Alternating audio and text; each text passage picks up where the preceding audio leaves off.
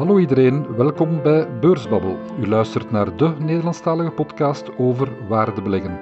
Mijn naam is Joël Schols en samen met mijn medeoprichter Sam Hollanders lezen we de boeiendste boeken en volgen we voor u de memo's en de blogs van de grootste waardebeleggers. Alle afleveringen zijn gebaseerd op teksten die u vindt op onze website www.beursbabbel.be.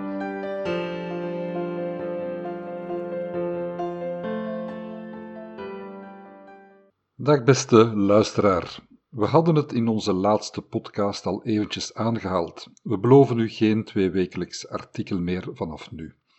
Maar dat we twee maanden uit de ether zouden blijven, dat was nu ook weer niet de bedoeling. We hoeven geen excuses te zoeken, maar er is wel een degelijke goede reden, en die wil ik u niet onthouden.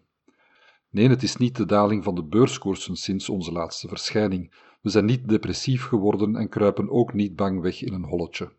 Die afkoeling van een oververhitte beurs is overigens zeer welgekomen voor wie nog cash aan het werk wil zetten. Onze tijdelijke afwezigheid heeft te maken met twee zaken. Ten eerste onze professionele activiteit, die heel veel aandacht gevraagd heeft. Niet enkel om ons huiswerk te doen van analyses van bedrijven, maar ook de reorganisatie van onze Luxemburgse activiteit.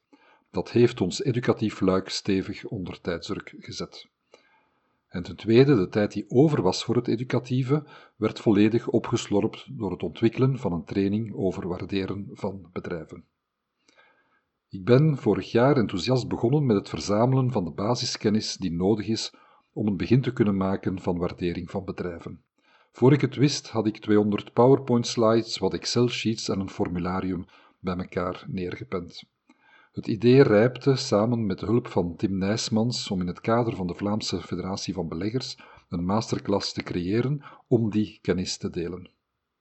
Dat leidde in april tot een hele toffe en leerrijke try-out voor een beperkte groep van acht deelnemers gedurende drie avonden in de VFB-lokalen in Mechelen. Kei plezant, maar ook best intensief. Niet enkel voor de deelnemers, maar ook voor mezelf om een concept zoals DCF, Discounted Cashflow, niet enkel correct, maar ook educatief te brengen met de juiste nuances en opbouw van moeilijkheidsgraad. In die drukke periode van voorbereiding, laatste details aanpassen, dan weer hele hoofdstukken verplaatsen, schrappen en herschrijven, heeft beursbabbel eventjes moeten wijken. Maar het goede nieuws is dat er tegelijk zeer veel ideeën ontsproten om mee te nemen in deze artikelenreeks en podcastreeks. Een belangrijk deel van de cursus gaat over de manier waarop je naar een bedrijf kijkt. Hoe verzamel je de juiste gegevens om je analyse te starten? Een waardering begint bij het vastnemen van de jaarrekening van een bedrijf. Je bekijkt de balans, de resultaatrekening, de kaststroomtabel van de laatste periode. Samen met de toelichtingen vind je daar een schat van informatie die je toelaat de bestaansituatie van een bedrijf te analyseren. Met die informatie stellen zich echter een drietal problemen. Ten eerste, de cijfers op zich vertellen maar een deel van het verhaal. Het volledige verhaal wordt verteld door je kennis van de mensen achter het bedrijf. De producten, de concurrentie, de marktontwikkeling en zoveel meer.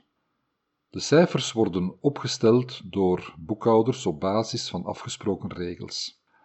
Niks mis met boekhoudkundige regels, maar je dient als belegger die taal wel te spreken. Als je geen Chinees kent, dan is het lezen van een Chinees boek best moeilijk. Boekhoudkundige cijfers interpreteren, als je geen basis hebt, is best moeilijk. Ik heb het dan niet over het ontdekken van fraude in de cijfers, maar gewoon het correct begrijpen van wat er staat. Interessante Nederlandstalige lectuur voor wie vanaf nul wil starten zijn de boeken zoals De basis van de balans van Kurt Kegels of Finance is Fun van Vera Smets. En tot slot, de boekhoudkundige cijfers geven dikwijls genoeg niet-economische realiteit weer. Boekhouding is niet opgebouwd om een vlotte waardering te kunnen doen van een bedrijf. En laat ons ook toegeven, jaarrekeningen worden opgesteld met het doel het bedrijf in een zo gunstig mogelijk daglicht te plaatsen. Om een bedrijf te waarderen is het relevanter om te focussen op operationele activa versus niet-operationele, op rentedragende schulden versus niet-rentedragende. Als je dat weet, kan je echt gaan verdiepen. En daarover gaat die masterclass dus. Voor deze bijdrage wil ik inzoomen op één topic uit de veelheid van boekhoudkundige elementen.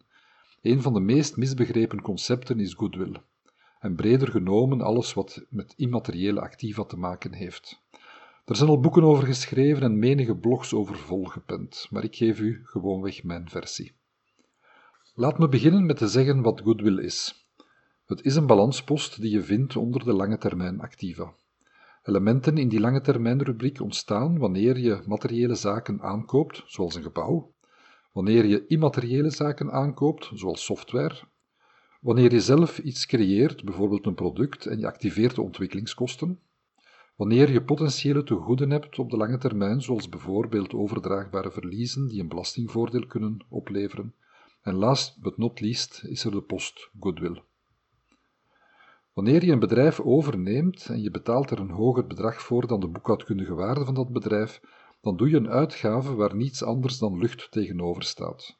Die lucht noemen boekhouders goodwill. Het is niets meer dan loodgieterij om een boekhoudkundig probleem op te lossen.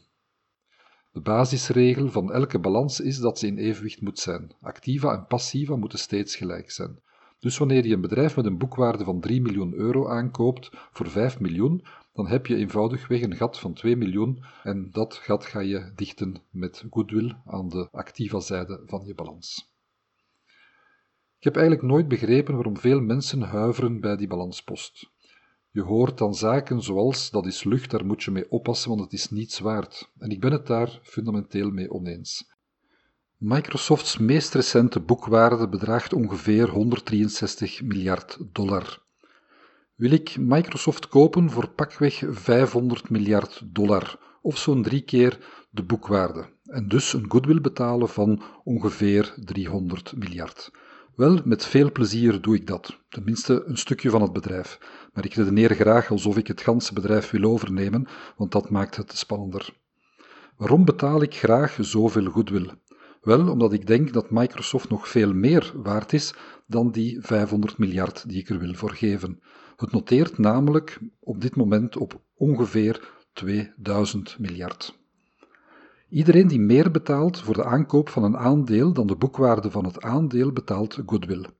Heeft u uw persoonlijke portefeuille al eens bekeken? Wellicht zit er heel veel goodwill in. En terug opnieuw, daar hoeft niks mis mee te zijn, zolang de bedrijven keurig presteren. Lees hun vrije kaststromen in stand houden en verhogen volgens je verwachtingen. Ik hoop hiermee dat ik de mythe uit de wereld haal dat goodwill per definitie slecht is of niks waard. Wanneer is goodwill dan wel een probleem? Eenvoudigweg wanneer het bedrijf de verwachte kaststromen waarop jij je berekening hebt gedaan niet meer produceert. Zo eenvoudig is het. Als ik Microsoft koop aan de 2000 miljard die de aandeelhouders er vandaag voor vragen en het bedrijf halveert zijn kaststromen vanaf dit jaar en die blijven ook nog onder druk staan de komende jaren, ja, dan is mijn 1800 miljard goodwill wel een probleem geworden. Vertrouwen we op de waarde die de post goodwill in de balans ons geeft? Het korte antwoord is nee. Daar kunnen we geen huis op bouwen. Herinner je dat het gewoon de meerprijs is dat een bedrijf betaalde voor de overname van een ander bedrijf ergens in het recente of in het zeer verre verleden? De waarde van de post goodwill is vrij zinloos om een waardering op te baseren. Het is loszand. Je kan er niet op bouwen. Is dat een meerwaarde die betaald werd twintig jaar geleden? Is het een overname gedaan door een vorige CEO die enkel uit was op omzetgroei en niet op winstgevendheid? Of omgekeerd, kon het bedrijf waardevolle assets kopen aan een prikje van een curator die een faillissement afhandelde. Het goede nieuws is dat je dat eigenlijk niet hoeft te weten voor de waardering van een bedrijf. Oké, wacht even, hoe zit dat dan? Redeneer eenvoudigweg dat wanneer het bedrijf in moeilijkheden zou komen en activa dient te verkopen, de post goodwill nul waarde heeft. Dat zijn de materiële en immateriële activa die een waarde hebben en die je kan inschatten en eventueel een liquidatiewaarde die je er kan aan toekennen. Maar de post goodwill aan zich is niks waard. Dezelfde vraag kan je trouwens stellen voor alle posten op een balans. Is het gebouw van 2 miljoen op de balans meer of minder waard dan dat? Is mijn voorraad kleding een half miljoen waard als morgen de winkels sluiten door een pandemie? Is mijn olievoorraad 1 miljoen waard nadat alle prijzen meer dan verdubbeld zijn. Het is dus niet enkel de post goodwill waar je vragen kan bestellen. Wanneer krijgt goodwill aandacht? Wel wanneer bedrijven in de problemen komen.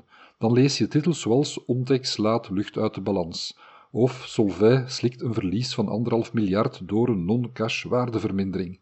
Die duivelse goodwill toch. Is dat belangrijk voor onze waardering? Helemaal niet. Wie zijn huiswerk doet, baseert zich op kaststromen, niet op netto-winsten. Wie zijn huiswerk doet, houdt geen rekening met die goodwill. Het goede nieuws is dat je het dus eenvoudiger kan maken door je balans op te splitsen in operationele activa enerzijds, dat zijn de activa die je operationele kaststroom genereren, en anderzijds de niet-operationele, zoals goodwill, maar ook nog heel wat andere waar we het nu niet over hebben. Concentreer je op het operationele gedeelte en de vrije kaststroom die gegenereerd wordt door je operationele kaststroom te verrekenen met de kapitaalsinvesteringen en groeiend werkkapitaal. Dat geeft je meteen ook de manier om de efficiëntie van je bedrijf te kennen. Operationele winst ten opzichte van operationeel kapitaal, dus de fameuze ROIC of Return on Invested Capital. Maar wel in teller en noemer uitdrukkelijk het woordje operationeel aanwezig. Goodwill speelt in deze niet mee. Waarom niet? Wel omdat wanneer je bedrijf groeit, het in de post goodwill niet te dient herinvesteren om te groeien. Goodwill vraagt geen onderhoud zoals operationele vaste activa dat wel vragen, een lekkend tak of een verouderende productielijn bijvoorbeeld. Goodwill vraagt geen extra kapitaal zoals operationeel werkkapitaal dat meestal wel nodig is bij een groeiend bedrijf. Hogere voorraden, hogere openstaande klantenfacturen en dergelijke.